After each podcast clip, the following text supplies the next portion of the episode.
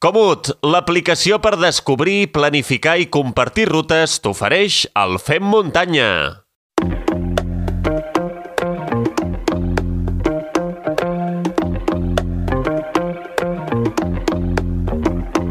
Moment ara per posar una nova fita, un nou llibre a la biblioteca del Fem Muntanya i el darrer muntanya de llibres d'aquest any 2022 i volíem que fos realment especial i no tinc cap mena de dubte que així serà perquè, de fet, comptarem amb un protagonista d'excepció. De moment, saludem el Marc Cornet. Marc, com estàs? A veure, dona'ns alguna pista per on van els trets. Bona, Xavi. Doncs avui us porto un regal anticipat de Nadal i, de fet, crec que el regal també ens l'ha fet eh, ell a tots nosaltres. Eh? Parlo de forma indirecta de l'autor del llibre, amb el qual, de fet, arribarem ja a la vintena de propostes al muntanya de llibres. I quan dic que és un regal, sobretot ho dic perquè poques vegades l'autor d'un llibre, en aquest cas un dels millors corredors de muntanya de tots els temps, doncs s'obre en canal per mostrar-se tal i com és. I precisament aquest crec que és el gran sentit de l'obra que us acosto avui. La sinceritat i sobretot arribar a parlar més de la persona, fins i tot que de l'esportista, perquè sense una no podem comprendre l'altra, això està ben clar, eh? o més ben dit, entenent la primera, és a dir, la persona, podrem arribar a conèixer encara més la segona, per tant, l'esportista. Mm -hmm. Un llibre i un corredor que es presenten amb un lema que ja s'ha universalitzat, eh? Lluita pel que vols i estima el que tens. Avui ens endinsem en la intrahistòria del Pau Capell, guanyador de l'UTMB de l'any 2019 i triple vencedor de l'Ultra Trail World Tour als anys 2018, 2019 i 2021, a més també, lògicament, eh, d'haver-se imposat en desenes de curses importants i significatives arreu del món.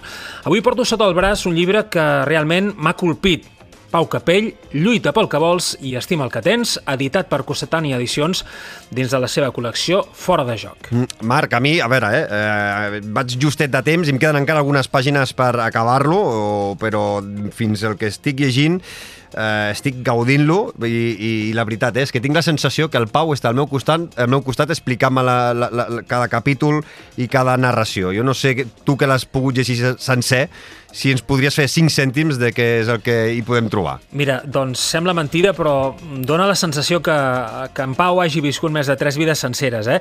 I això que només té 31 anys. Més enllà de narrar-nos doncs, algunes de les seves gestes com a corredor de muntanya, el que realment crec que més m'ha agradat, el que m'ha colpit, com deia abans, és que en Pau, en primera persona, ens narra les seves pròpies vivències més personals. Lògicament, sí, relacionades amb els seus èxits, que són molts, i també amb els seus fracassos, que són pocs com a corredor de muntanya d'elit.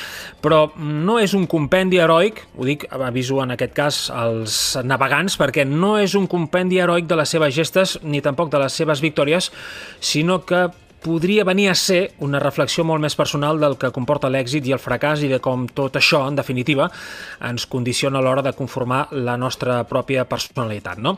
La pròpia frase del títol del llibre crec que ja n'és una mostra ben clara, lluita pel que vols i estima el que tens. De fet, hi ha una paraula que crec que sobrevola constantment per damunt de les 189 pàgines d'aquest llibre, que és la família. Sempre hi és, en els millors moments, és clar, però també en els pitjors, quan es fa més necessària que mai. No? En aquest sentit, en Pau aborda la seva experiència professional com a esportista doncs, amb un toc molt, molt personal, molt íntim, molt familiar, i la sinceritat és absoluta, obrint-se en canal i també reconeixent que sense la família difícilment doncs, hauria arribat a on és ara mateix. No? Ell mateix també deixa clar el motiu que el va impulsar a escriure aquest exemplar, obro cometes, diu que tenia ganes de plasmar el que portem a dins dels esportistes professionals i poder així també aprofundir més en el que som i no pas tant en el que fem, tanco cometes. Una reflexió que, de fet, és un exemple ben clar eh, del que hi trobareu a Pau Capell, lluita pel que vols i estima el que tens. I avui, Marc, eh, és tot un honor comptar amb nosaltres el Fem Muntanya, l'autor d'aquest llibre que ja ens va donar també aquesta exclusiva ara fa uns mesos, eh, quan s'havia de publicar aquest eh, primer llibre del Pau Capell. Pau, benvingut de nou al Fem Muntanya i moltes gràcies per atendre'ns. Moltes gràcies a vosaltres. Eh, Marc, el Marc ens explicava ara fa uns moments que el motor principal eh, que et va impulsar a escriure el llibre és que vols mostrar més la teva faceta eh, personal que no pas la professional, o com la persona acaba influint en l'esportista. Podríem dir, Pau, que les dues parts formen un tot indivisible, no? Sí, totalment, i molts cops avui dia ens fixem molt no, amb, amb el que fem exactament és, és això, no? Ens, la gent es fixa molt en el resultat, en, en aquesta faceta d'esportista, doncs, les xarxes socials i tot el, el que envolta no? a, a, en aquest món del trail running, però em venia molt de gust explicar algo que no s'explica normalment, eh, que és el dia a dia de l'esportista, els moments bons, els dolents, eh, el que sentim, que també sen som persones i sentim moltes coses, i dintre el llibre hi ha cosetes que jo mai havia explicat i que just quan el vaig escriure passava per un moment personal, bueno, no, no sé si complicat, però, però molt obert i, i em va servir doncs, per, per treure-ho tot. Pau, com a enginyer que ets, fins a quin punt necessites que tot el que tens al teu voltant rodi en la mateixa direcció per tal d'assolir els reptes esportius que et proposes? Ho dic sobretot perquè en aquest sentit la família i els amics són l'eix capdalt que t'ajuda a tenir totes aquestes peces ben engreixades i totes aquestes peces a lloc, no? Sí, sóc eh, massa maniàtic i massa ordenat en aquest sentit i em passa organitzant una cursa, em passa entrenant i em passa també amb això, eh? Quan, quan hi ha cosetes de, de la meva família, amics, eh, pares, parella, coses que surten de la línia que jo crec que han de seguir, ostres, se'm desestabilitza una mica tot, no? I, I sí que intento sempre...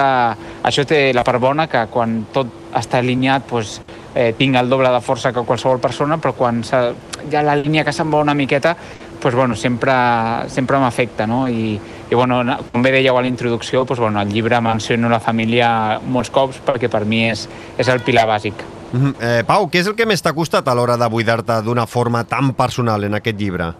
Mm, mira, potser a l'inici, a l'inici, el, el no saber...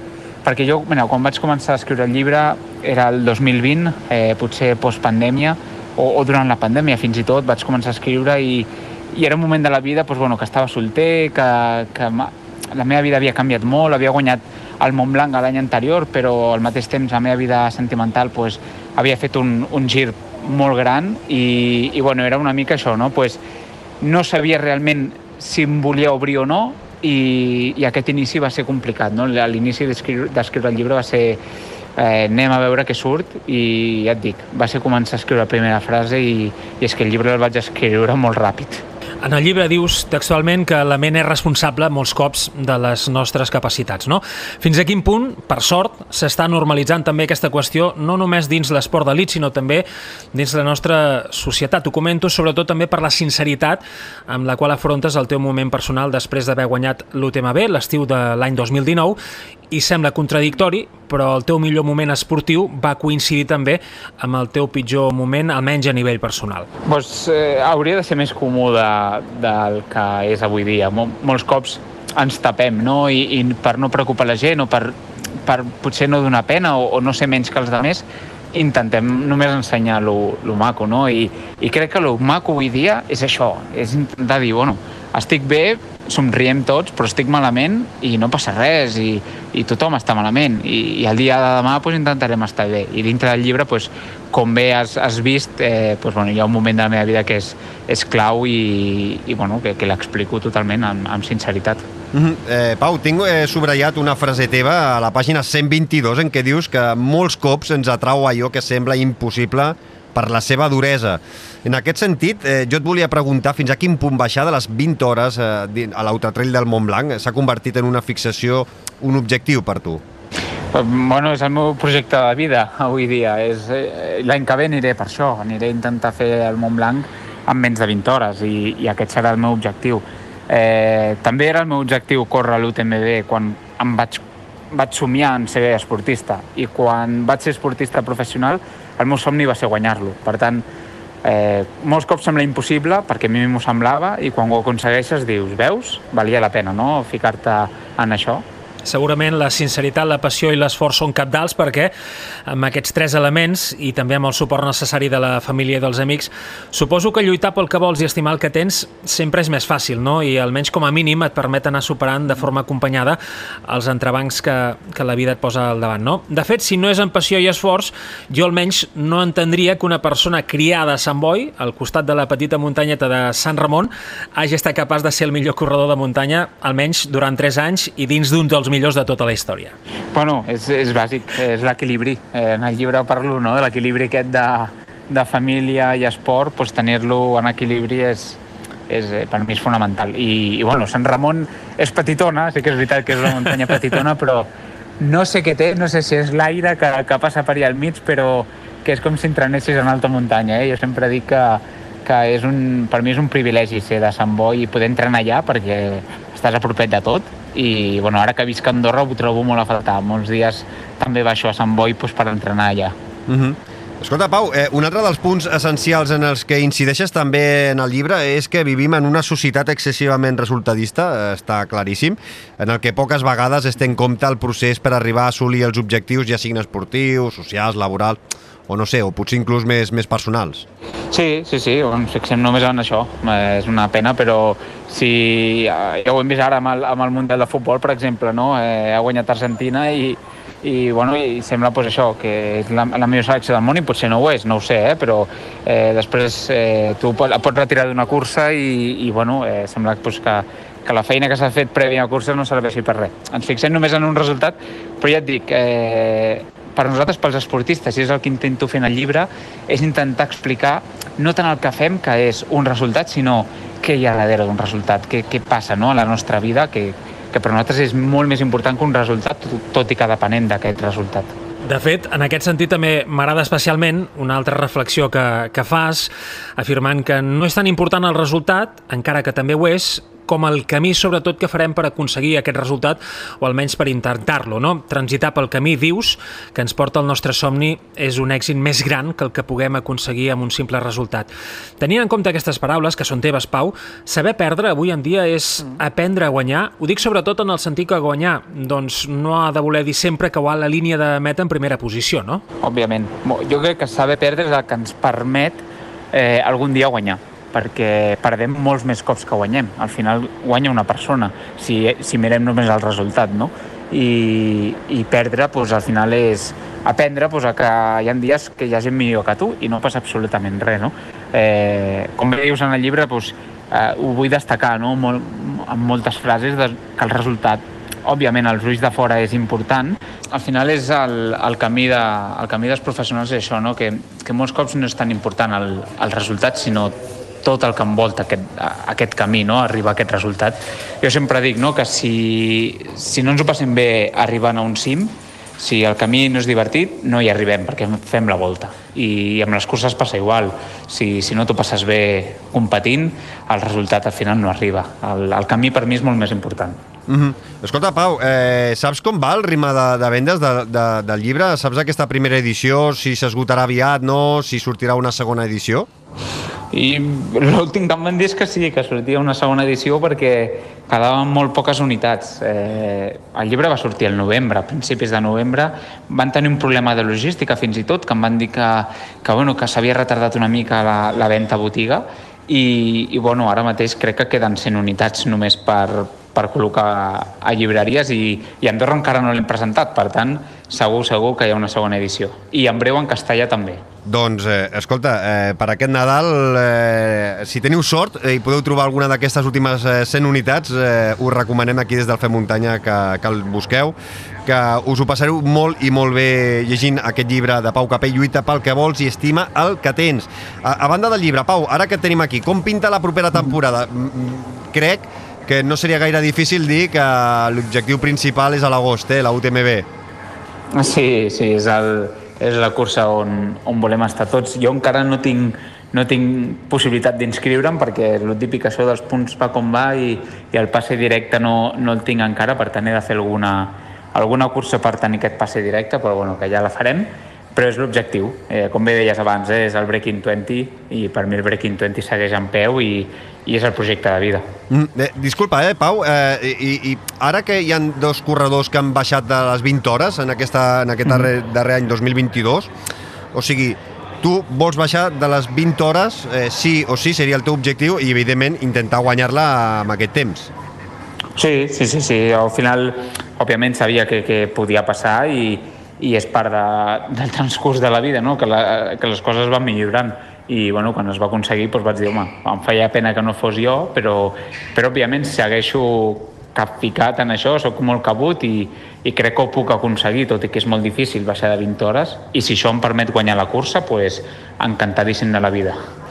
Xavi, jo abans de marxar sí que volia agrair de forma especial al Pau el tracte que sempre ha tingut, té i seguirà tenint amb nosaltres els periodistes i també els, els amants incondicionals de la muntanya com som nosaltres. No? Sobretot també que s'hagi decidit escriure doncs, quelcom tan personal com lluita pel que vols i estima el que tens, perquè crec que aquesta mostra de sinceritat en definitiva també és una prova més, una prova clara de la seva maduresa, no només com a esportista sinó sobretot també com a persona que té molt clara la filosofia de vida i ara ens ho deies, no? també, Pau, els teus somnis.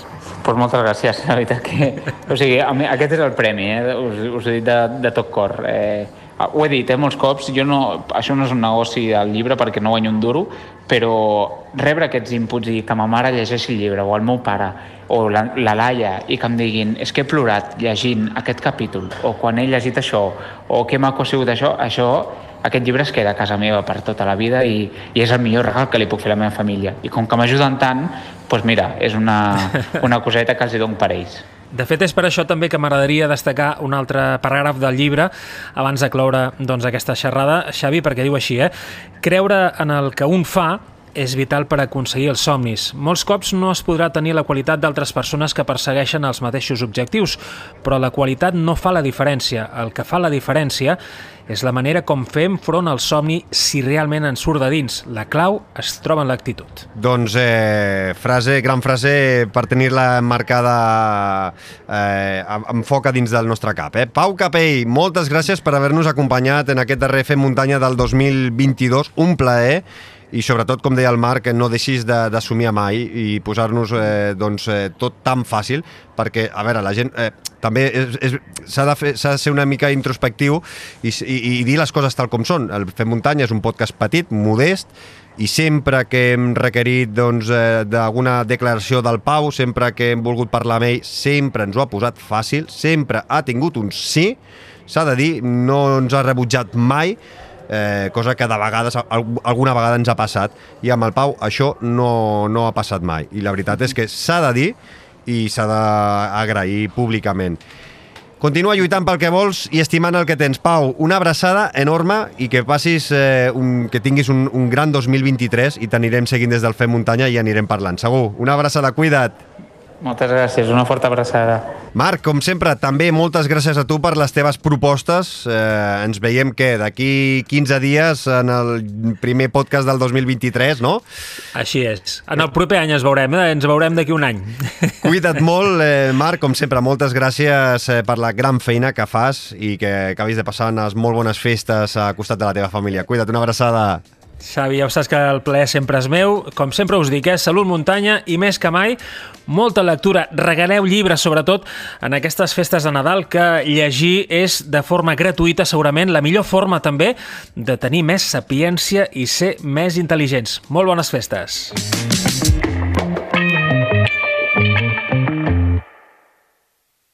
Comut, l'aplicació per descobrir, planificar i compartir rutes t'ha ofert el Fem Muntanya.